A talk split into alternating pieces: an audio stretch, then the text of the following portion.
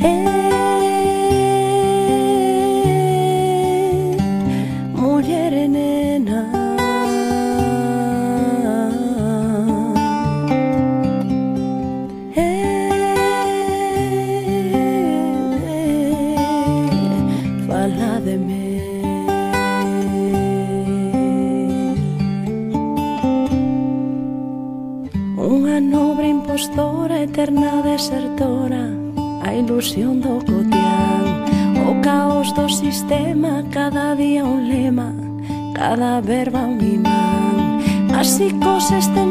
a fondura máis viva un sentir a prazer as mulleres que cantan e as que se levantan Dan ya vida un porqué.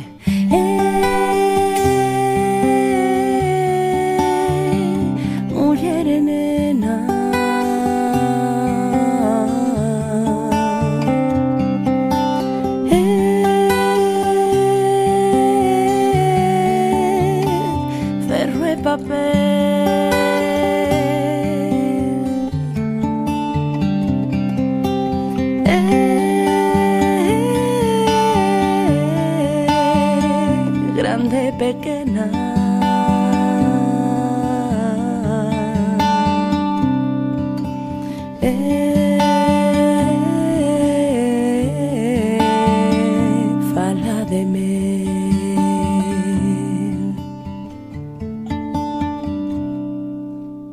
Benvidos, benvidas todos e todas a este terceiro programa de Do Gris ao Violeta, o percorrido que facemos en Pontevedra Viva Radio a fundamental achega que moitas mulleres fixeron a historia da nosa cidade. Unha achega que visibiliza o proxecto a memoria das mulleres do Concello de Pontevedra e do que nas semanas anteriores coñecimos os seus obxectivos.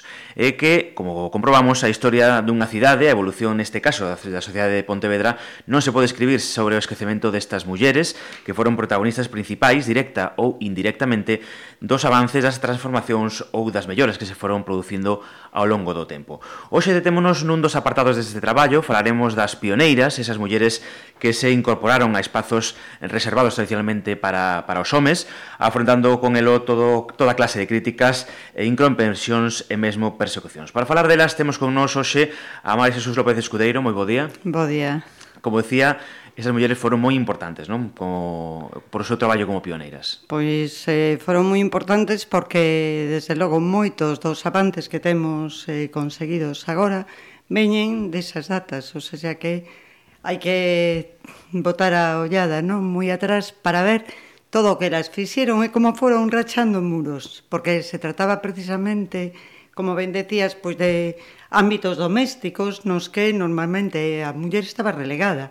Entón, que pasaba? Que para rachar eses muros da casa do, do ámbito doméstico, bueno, pois tiveron que loitar, tiveron que ser mulleres moitas veces sinaladas, porque non eh, asumían ese rol que estaba reservado para elas, non? Por parte de toda a sociedade, por parte dos poderes, por parte da religión, que ten moito que ver aí, como veremos despois. Entón estas mulleres pois foron invadindo terrenos que normalmente estaban sempre sempre pois desempeñados por homes. Elas veían que non había ningún problema por desempeñar elas eses mesmos roles, exercer esas mesmas profesións, e, desde logo, eran conscientes de, do seu papel como pioneiras, non? Mais eh, bueno, por moitas razóns non figuran nos libros da historia, porque eh, a historia normalmente pois, era escrita por homes. Mm. Dende a Idade Media xa, pois que o mundo da cultura pois estaba sempre máis masculinas, non? Na igrexa. Entón, eh, o coñecemento do mundo feminino pois era nulo verdadeiramente os monxes que están recluídos nos mosteiros moi pouca, eh, digamos que moi pouca información tiñan sobre o mundo das mulleres e desde logo o obviaban.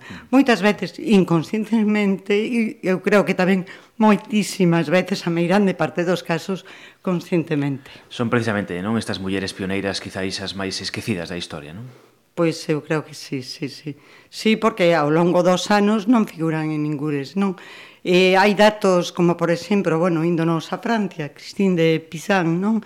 que era unha muller escritora, que no século XV escribiu unha obra que era La Ville de Dama, o sea, a cidade das mulleres, e que se, ela se lamentaba precisamente dese mundo andróxeno que a rodeaba. E ela, por exemplo, unha muller que era crente, pois resulta que se lamentaba xa de, de diante de Deus porque lle dera un corpo feminino, porque verdadeiramente veía que ela eh, era menosprezada e que ese corpo era ollada, ollado por parte de toda a sociedade pois como algo que eh, inducía o vicio e inducía o mal, non?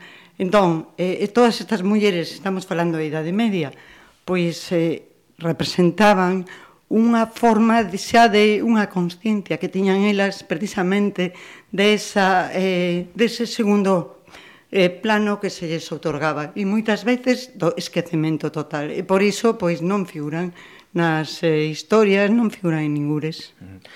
En Dougris o Violeta falaremos de todas estas pioneiras, e eh, comenzamos remontándonos á Idade Media, da que falabas agora, eh, esta é a historia de Basquida García, sandadora e menciñeira herdeira dunha traición ancestral que foi considerada polo tempo, sobre todo pola Inquisición, como unha bruxa.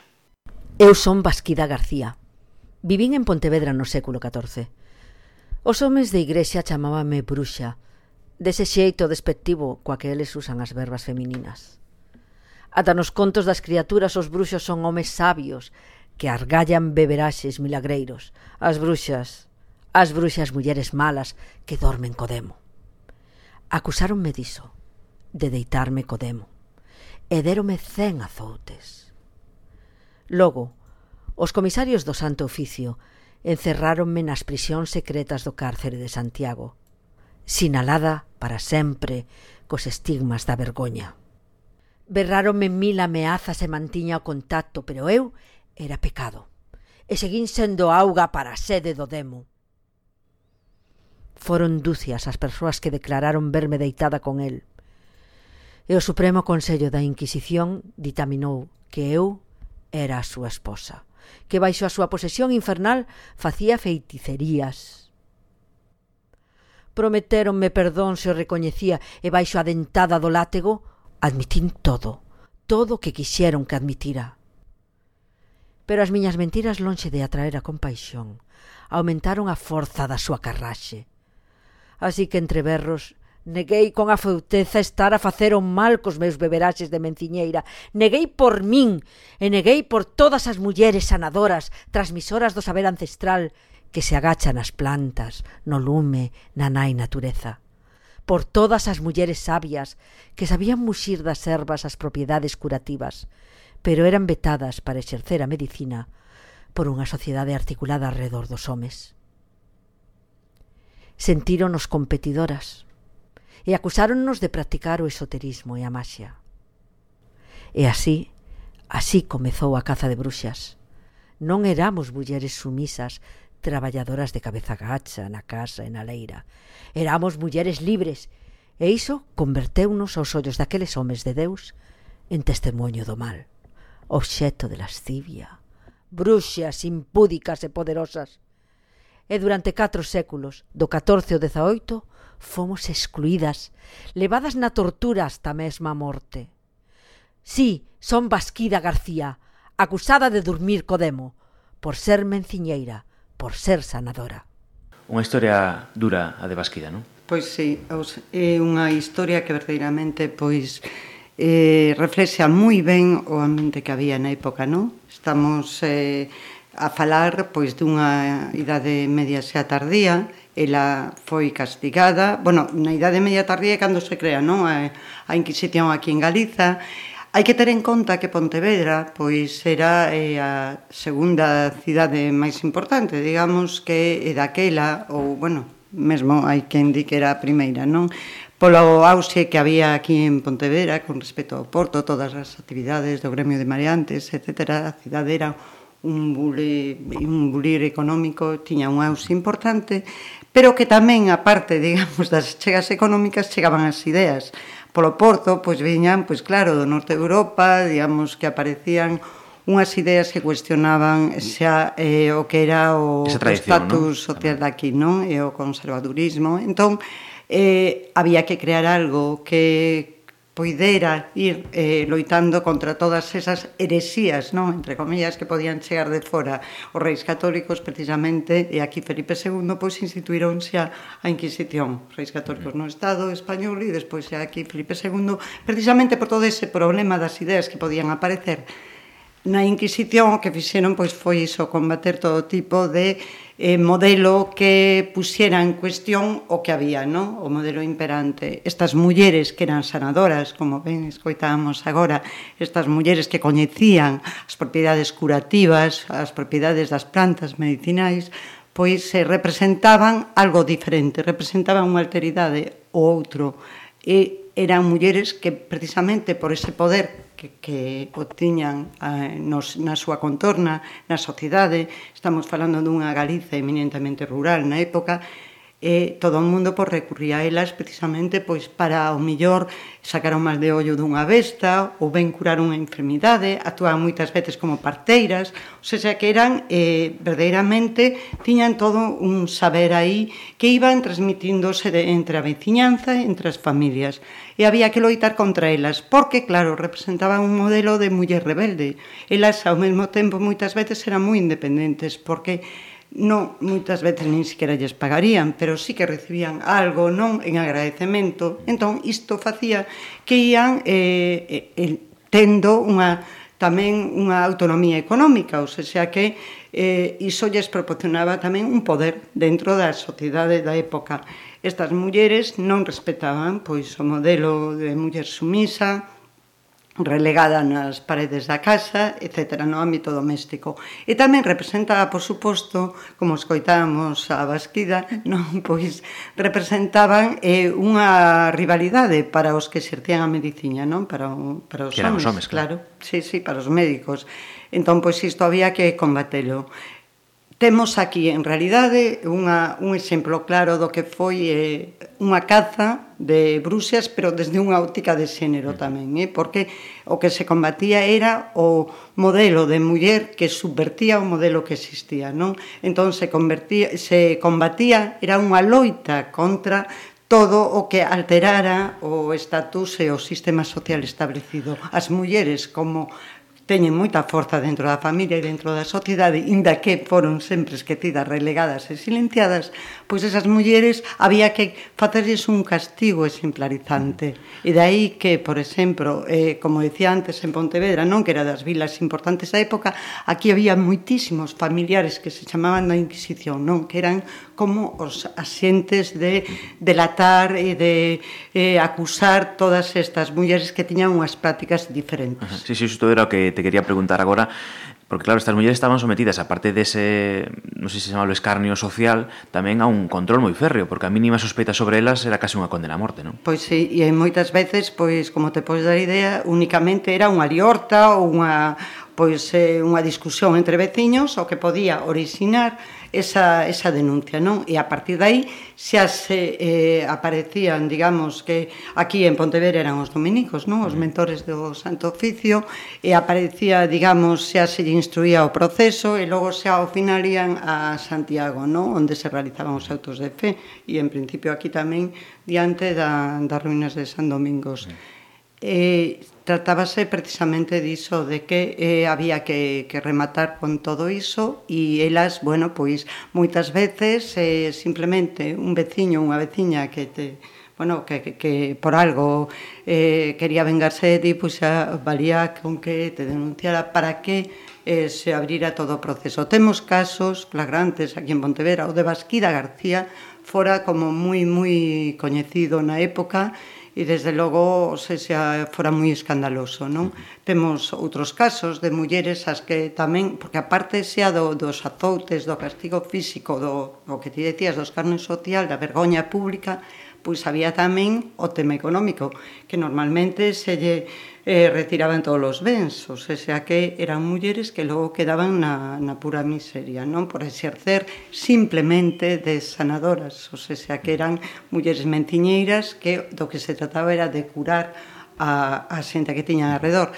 E unha simple denuncia facía que o seu estatus mudara totalmente, de ser unhas mulleres ben consideradas na contorna e na sociedade pasaban a ser consideradas xa como algo eh, do que había que apartarse, non? De, de mulleres xa que practicaban aquela rescodemo, que tiñan, como ben eh, mm, escoitamos, non?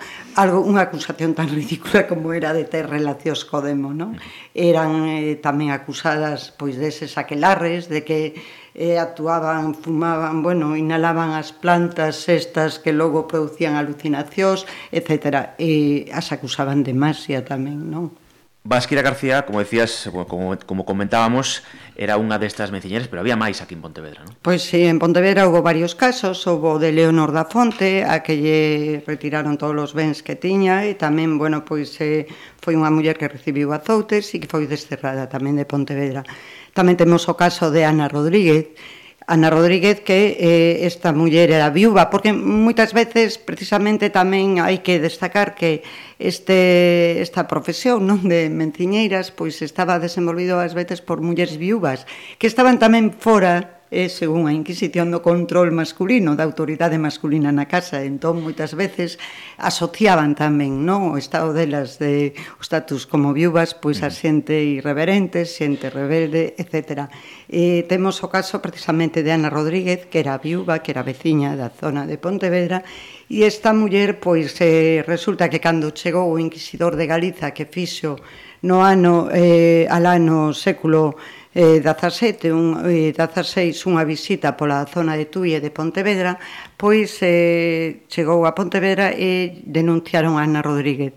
Ana Rodríguez foi unha muller que sufriu tamén pois, todo tipo de denuncias, e, entre as que tem, podemos destacar algo tan paradóxico non como a de un crego. Un crego que sufría polas noites, según decía, pois as visitas de malos espíritus que o ameazaban de morte. Recurriu a a Ana Rodríguez para saber de que se trataba. Ela lle dixo pois, que era outro crego que se morrera, que o quería levar con el, que o quería mal, pero quería que morrera. Entón, eh, Ana Rodríguez pois eh, realizou toda unha serie de rituais que tiña e ao final pois eh, o crego quedou moi confiado no que no saber dela e tamén lle consultou a unha doenza da súa nai que padecía, tiña un mal nun ollo e, bueno, pois non a curou. Entón, despois o crego pois, seguiu tendo tamén todos eses pesadelos pola noite e denunciou na. Outra persoa que tamén a denunciou, pois era un home que tiña o fillo doente, enfermo, denuncia ou eh, bueno, recurre aos servizos de Ana Rodríguez, ela eh, acude a casa e xa polo camiño, pois según o informante, ela sabía xa pois quen era o doente, que, que posesións tiñan na casa, como estaba ubicada toda a casa, cousa que sería moi normal naquela época porque entre a veciñanza se coñecían, pero bueno, eh, ela chega ali e realiza os rituais que consistían pois en coller tres carbós, metelos en agua fervendo, e, e bueno, pois unxir a cama do enfermo, pois eh, rodear a cama cunha eh, rapaza virxe que tiña que levar unha vela encendida, non? Mentres que se realizaba todo este ritual, ela iba pois de, recitando toda unha serie de exorcismos como o de baite dai dor fora de que o aire malo se vaya para as penas ou viñas pola graza de Deus e da Virxe María, o sea que tamén recurrían eh, ao mesmo tempo a religión, non? Pero bueno, este home ve que o seu fillo morre e colle e despois pois tamén a denuncia, non? O sea que primeiro recorrían a elas, pero despois ao ver que en realidade non sanaban pois eh, xunto, seguro que con con algunha liorta que tiñan entre eles, pois collían e acababan denunciando esta xente. O caso de Ana Rodríguez tamén foi eh, moi coñecido porque aplicáronlle con, en Compostela a mancuerda, non? Ese eh, o tormento que estivo a piques de acabar coa súa, coa súa vida. Pero a Inquisición normalmente non quería, eh, en Galiza non mataba, senón que o que facía era esas torturas atroces, non? Ao, ser, ao ver que estaba en perigo de morte, adiaron un día o tormento e logo seguiron, non? Pola clemencia, ela, bueno, pediu clemencia, non se lle concedeu, pero logo ao final ao ver que a súa saúde corría perigo, pois entón acabaron xa ah, pois eh, dándolle os azoutes e leronlle a sentencia e tamén a desterraron fora de, de Santiago uh -huh. e de Pontevedra. Como chegou esta, estas historias á a actualidade? Porque claro, mm, falábamos antes de que a Inquisición era a religión a que tamén sí. axudaba a ocultar estas mulleres. Nestas eh, mulleres, o que si temos é que xa no 18 apareceron eh, persoeiros ilustrados como era Frei Martín Sarmiento que denunciou todas as atrocidades e todas as persecucións que las sufriron. El mesmo dicía que lle encantaría ter coñecemento dos salmos que utilizaban elas para exorcizar e que el, desde logo, eh, tamén era confiaba moitísimo nas, no, no poder curativo das plantas medicinais e precisamente era un estudioso delas. O sea, que el sí que denunciou claramente unha persoa como o ilustre beneditino pois todas as atrocidades que se eh, realizaron con elas. María Jesús López Escudeiro, moitas grazas. De nada, a vos. Volvemos a próxima semana, pero antes, como sempre, recordamos que a todas estas mulleres debemos lle moito e de xustiza seguir o seu ronsel. Eh.